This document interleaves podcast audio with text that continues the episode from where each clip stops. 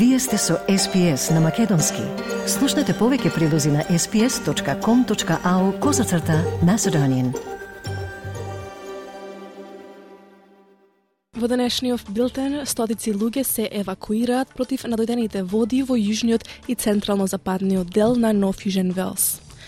Антони Албанезе ја брани од луката на владата да не нуди парична помош во октомврискиот буџет. Бугарските здруженија и клубови имаат три месеци да си ги сменат имињата, инаку ќе бидат затворени со закон кој македонскиот парламент го изгласа едногласно вчера. И германските власти најавија планови за обезбедување субвенции за домакинствата и бизнисите поради високите цени на енергијата. На СПС на Македонски следуваат вестите за 3 ноември 2022. Јас сум Ана Коталеска.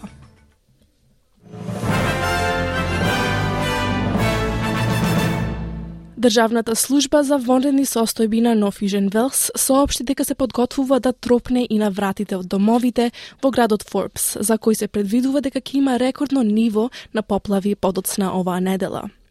Стратегијата уследи по повеќе од 10.000 барања за помош што Државната служба за вонредни состојби ги доби во изминатите 7 дена.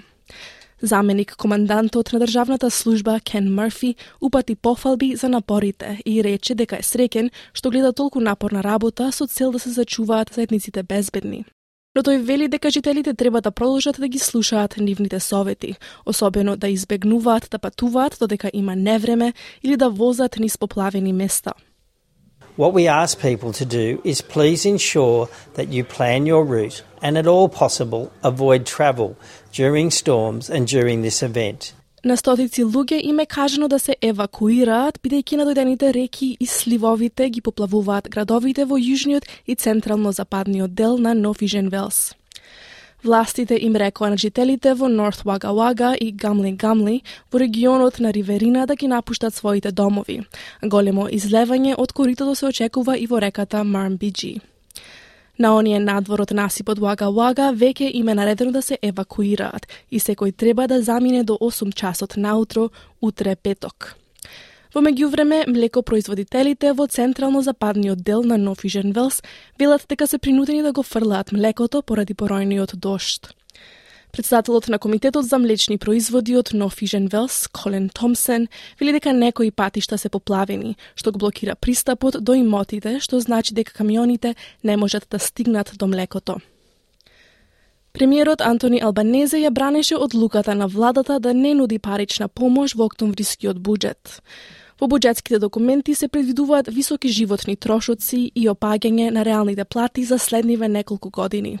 Според господин Албанезе, давањето парична помош во готовина на домакинствата би направило повеќе штета отколку корист.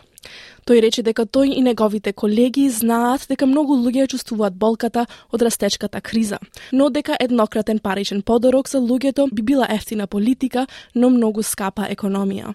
My colleagues and I understand There are many people feeling the pain of rising prices, especially off the back of a decade of stagnant wages. And the easy option would have been for us to funnel these savings straight into a cash splash, a one off giveaway to buy a headline. Cheap politics, but hugely expensive economics. Untargeted spending would actually make the problem worse. На Кралската комисија за неуспешната автоматизирана програма за наплата на долгови Robodebt и беше кажано дека проблемите со шемата биле идентификувани уште во раната фаза, но дека биле игнорирани.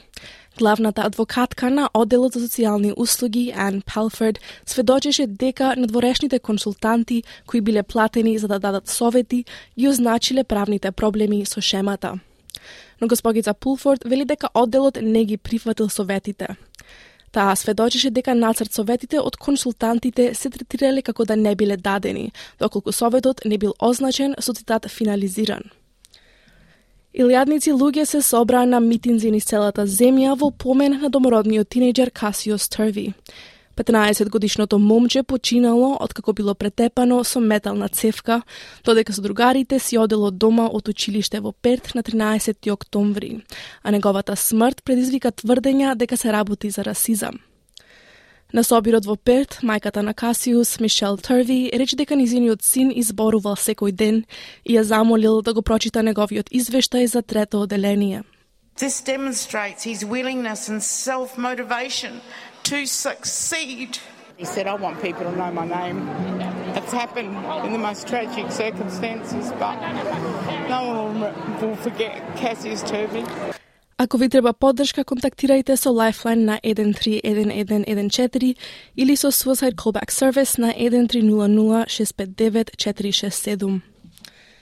Полицајците во Нов и Женвелске добијат зголемување на платите за 3,5 од 100 и подобар пристап до услугите за здравствена поддршка. 79 милиони долари ќе бидат насочени кон нова програма за ментално и физичко здравје, како дел од договорот меѓу владата и полицискиот синдикат. Полицаец во Нов Иженвел се обвинет за возење под дејство на алкохол по собраќајна несреќа во југозападниот дел на Сиднеј.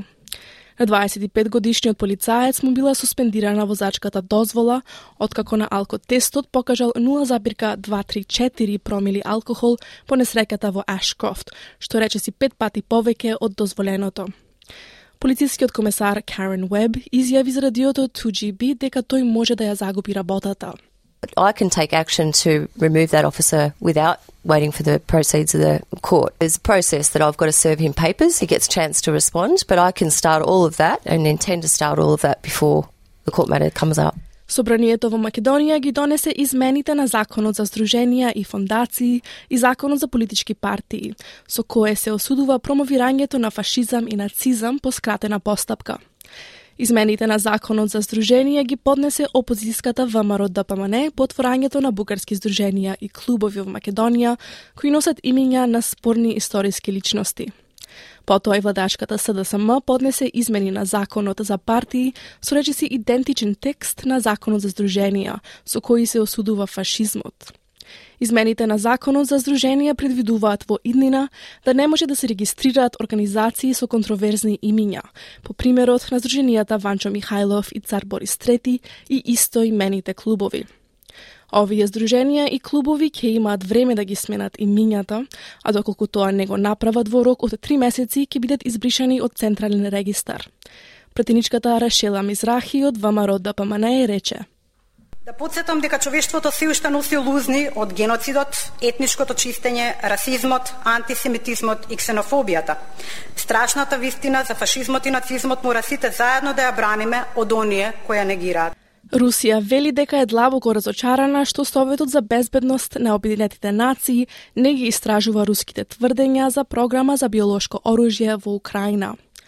Заменик амбасадорот на Русија Дмитри Полјански вели дека Советот не одговорил позитивно на неговото барање за формирање комисија за наводите дека Киев и Вашингтон заедно работат на биолошка програма, што би представувало прекршување на меѓународните конвенции.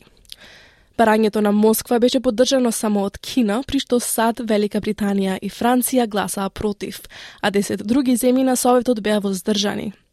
Амбасадорката на САД Линда Томас Гринфилд вели дека тврдењата на Русија се смешни и представуваат дезинформации, нечесност и тотален недостаток на почит кон телото. Because it is based on disinformation, dishonesty, bad faith, and a total lack of respect for this body. The United States and Ukraine went through Russia's allegations in Geneva point by point and debunked every single one. Германските власти најавија планови за обезбедување субвенции за домакинствата и бизнисите, бидејќи цената на енергијата продолжува да расте. Канцеларот Олаф Шолц и гувернерите на 16 германски покрајини ќе дадат 200 милиарди евра субвенции за да се олесни притисокот од високите цени на гасот, струјата и парното. Потек што во голема мера ги одсликува минато месечните препораки на експертската комисија. Државата ќе ги преземе трошоците за месечните сметки на корисниците на газ во декември, а она што го користат домакинствата потоа делумно ќе биде субвенционирано од март. Канцеларот вели дека се надеве дека ова ќе им даде малку олеснување на потрошувачите. Die wir alleine zur Heruntersubventionierung von Strompreisen. One thing is clear. It won't go all the way down to the level we had before the Russian war of aggression on Ukraine.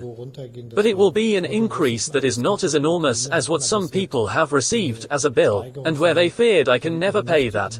ist wie das, was mancher als Rechnung gekriegt hat und wo er befürchtet, das kann ich ja niemals bezahlen. Повторно во Австралија, поранешниот сокару и активист за човекови права Крейг Фостер е прогласен за австралијанец на годината во Нофижен Велс за 2023 53, 53 годишниот роден во Лизмор доби признание за неговиот активизам заедно со уште тројца на церемонија одржана во Луна парк во Сиднеј. И покрај неговите многубројни достигнувања поврзани со фудбалот на теренот и надвор од него, господин Фостер е се попознат како жесток поборник за човекови права и антирасизам. Австралијанецот на годината ќе биде прогласен во Камбера на 25 јануари.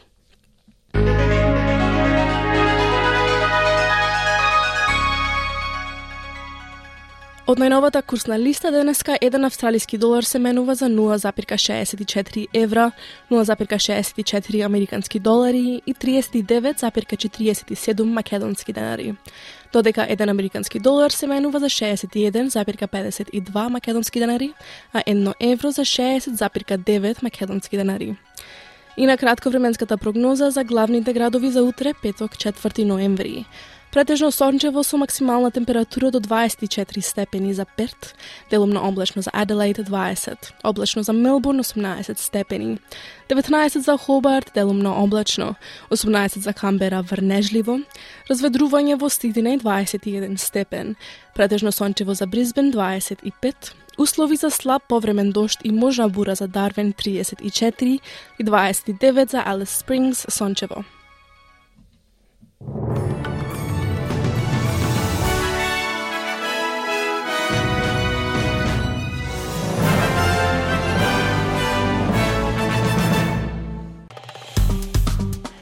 Стиснете, ми се допаѓа, споделете, коментирајте. Следете ја SPS на Македонски на Facebook.